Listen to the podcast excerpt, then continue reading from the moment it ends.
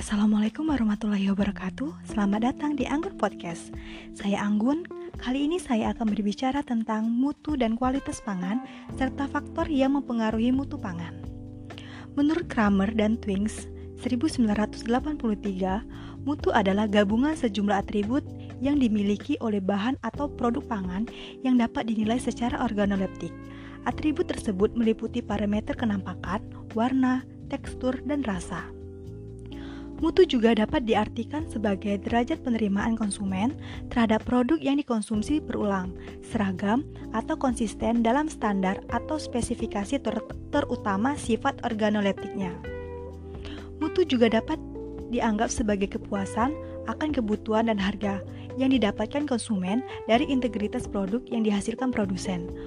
Menurut Fardias 1997, Mutu didefinisikan sebagai karakteristik menyeluruh dari suatu wujud apakah produk itu apakah itu produk kegiatan, proses, organisasi, atau manusia yang menunjukkan kemampuannya dalam memenuhi kebutuhan yang telah ditentukan. Karakteristik mutu bahan pangan dikelompokkan menjadi dua, yaitu yang pertama, karakteristik fisik, tampak meliputi penampilan, warna ukuran, bentuk, cacat fisik, dan kinestika yaitu tekstur, kekentalan, dan konsistensi atau flavor. Yang kedua, karakteristik tersembunyi, yaitu nilai gizi dan keamanan mikrobiologis. Sedangkan kualitas bahan pangan dapat dikatakan baik hanya karena karakteristik karakter ukuran, jenis, atau kesegarannya memiliki satu sifat baik. Selanjutnya yaitu penurunan mutu bahan pangan. Bahan pangan setelah dipanen akan mengalami serangkaian proses perombakan yang mengarah ke penurunan mutu. Ada tiga faktor yang mempengaruhi penurunan mutu bahan, bahan pangan. Yang pertama yaitu kerusakan fisik. Kerusakan fisik dapat disebabkan oleh perlakuan fisik seperti terbanting, tergen, tergencet atau terluka. Perlakuan tersebut dapat menyebabkan terjadinya memar seperti pada buah dan sayur, luka seper seperti pada ikan yang ditangkap. Sedangkan e, pada benda asing adanya rambut, pasir ataupun batu dan sebagainya. Yang kedua yaitu adanya kerusakan kimiawi. Penurunan kandungan senyawa kimia pada bahan pangan dapat terjadi pencucian dan pemanasan berlangsung. Selama pencucian be beberapa protein, vitamin B, C, dan, dan mineral akan larut air. Kerusakan kimiawi dapat juga disebabkan oleh autolisis, yaitu perombakan jaringan oleh enzim yang berasal dari bahan pangan tersebut. Daging ikan yang mengalami autolisis jika ditekan akan terasa kurang elastis dan lama kembali ke bentuk semula. Yang ketiga yaitu adanya kerusakan biologis.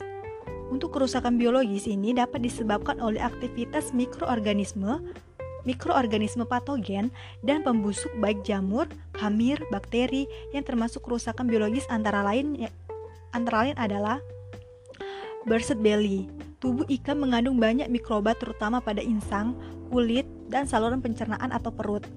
Yang kedua yaitu aktivitas mikroorganisme yang merugikan.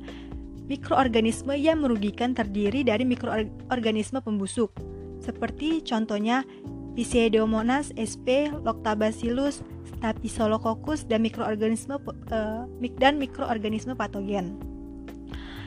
Selanjutnya itu adanya senyawa beracun, misalnya keracunan si Ciguatera pada ikan tera, pada ikan kerang, keracunan tetrodosis pada oktop, oktopus kepiting, dan keracunan kerang. Untuk pencegahan penurunan mutu, tindakan pencegahan uh, penurunan mutu bahan pangan dapat dilakukan pada beberapa aspek uh, selama penanganan selama penanganan penurunan mutu dapat dicegah melalui yang pertama preso pre-soling, yaitu pendinginan bahan sebelum dilakukan pengolahan. Yang kedua, penanganan steril, penanganan bahan pangan dengan bebas bebas dari pencemar. Yang ketiga yaitu pencucian bahan pangan. Yang keempat, penyiangan yaitu pembuangan kulit, insang, isi perut sebagai sebagai sumber mikroorganisme. Selanjutnya bensin yaitu pemanasan yang bertujuan di antaranya adalah untuk inaktif, ina, inaktivasi enzim. Selanjutnya itu yaitu sort, sortasi yaitu pemisahan bahan pangan berdasarkan baik buruk diterima atau tidak diterima. Yang selanjutnya yaitu grading, yaitu pemisahan bahan pangan berdasarkan pengkelasan mutu. Selanjutnya yaitu tahap terakhir yaitu pemisahan daging dari tulang. Selama pengawetan, selama pengawetan penurunan mutu dapat dicegah melalui yang pertama, penggunaan suhu rendah, yang kedua irad iradiasi, yang ketiga penggunaan bakteri e, antagonis. Selama pengolahan dapat dicegah melalui pertama penggunaan suhu tinggi, yang kedua penurunan kadar air, yang ketiga penambahan senyawa kimia, yang keempat fermentasi. Faktor-faktor yang mempengaruhi ketersediaan pangan yakni yang pertama stok, yang kedua produksi, yang ketiga impor, dan yang keempat itu ekspor.